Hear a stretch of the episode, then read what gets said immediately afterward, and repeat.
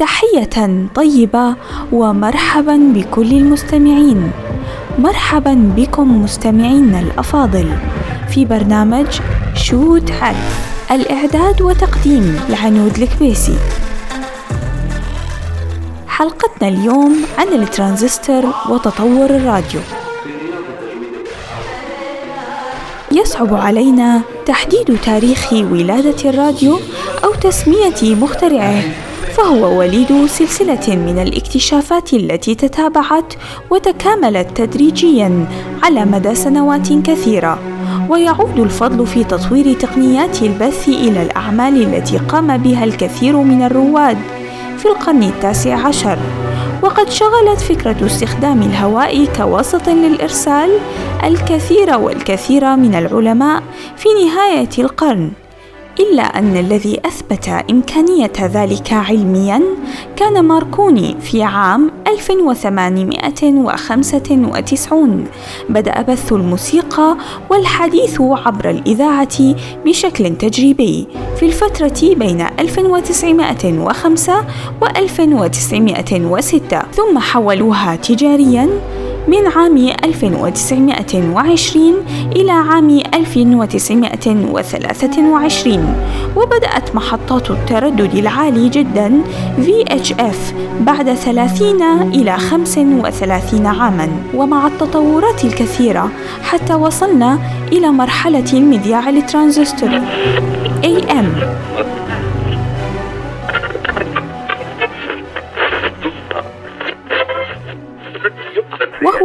عبارة عن جهاز صغير مبني على الترانزستور ويعتبر جهازا لاسلكيا صغير الحجم يستخدم الدوائر القائمة وقد ظهر عام 1952 مما أحدث نقلة نوعية كبرى فقد تحولت الإذاعة من استخدام عائلي ثابت إلى استخدام فردي ومن الممكن أن يكون متنقلا في أماكن متعددة مما أتاح الفرصة للاستماع للمضامين الإذاعية وقد أتاح الترانزستور قدرة الأغلبية على امتلاكه فقد قلت تكلفة صنعه وبذلك قلت تكلفة بيعه وتعتبر مرحلة الترانزستور من أوسع وأكبر الانتشارات للإذاعة وأكثرها شعبية في العالم أوسع رغم ظهور التلفزيون في نفس الحقبة. تخصصية. الحين. توفيق. مكة أرابيا. قصة يا أخي الكريم. أنا لك هذا الإنسان. سوف نلتقي.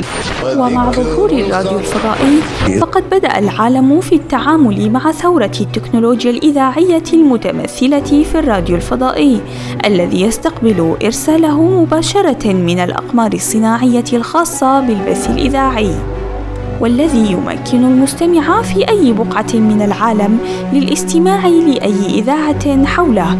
وهو في مكانه دون عناء وبقوة ووضوح مع صوت فائق تعادل وضوحه قوة صوت السي دي ويعد البث الإذاعي الفضائي ثورة في عالم الراديو حيث تنقله من النظام القديم والموجة المتوسطة والقصيرة إلى عصر الفضاء وتربطه بتكنولوجيا الاتصال الحديثة مما يشكل بعثا جديدا لجهاز الراديو يعتمد على الاستقبال المباشر من القمر الصناعي دون اللجوء إلى محطات تقوية طائلة التكاليف محدودة الأثر.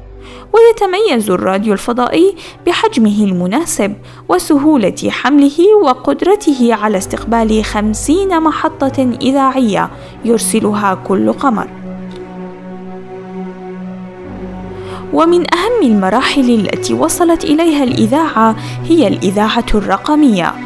تعمل الإذاعة الرقمية بتجهيزات تقنية مزودة بمنظومات رقمية متكاملة تعطى إمكانية كبيرة في تحسين جودة الصوت وتقديم خيارات جديدة تفاعلية مع المستمعين بما تتيحه من خدمات إضافية ليس فقط سمعية بل وأيضا بصرية وفي خضم الجدل الدائري حول مدى قدرة الإنترنت على السيطرة على القطاع الإعلامي والتواصلي فمن المؤكد أنه لم تعد هناك من وسيلة إعلامية تستطيع الاستغناء عن الإنترنت.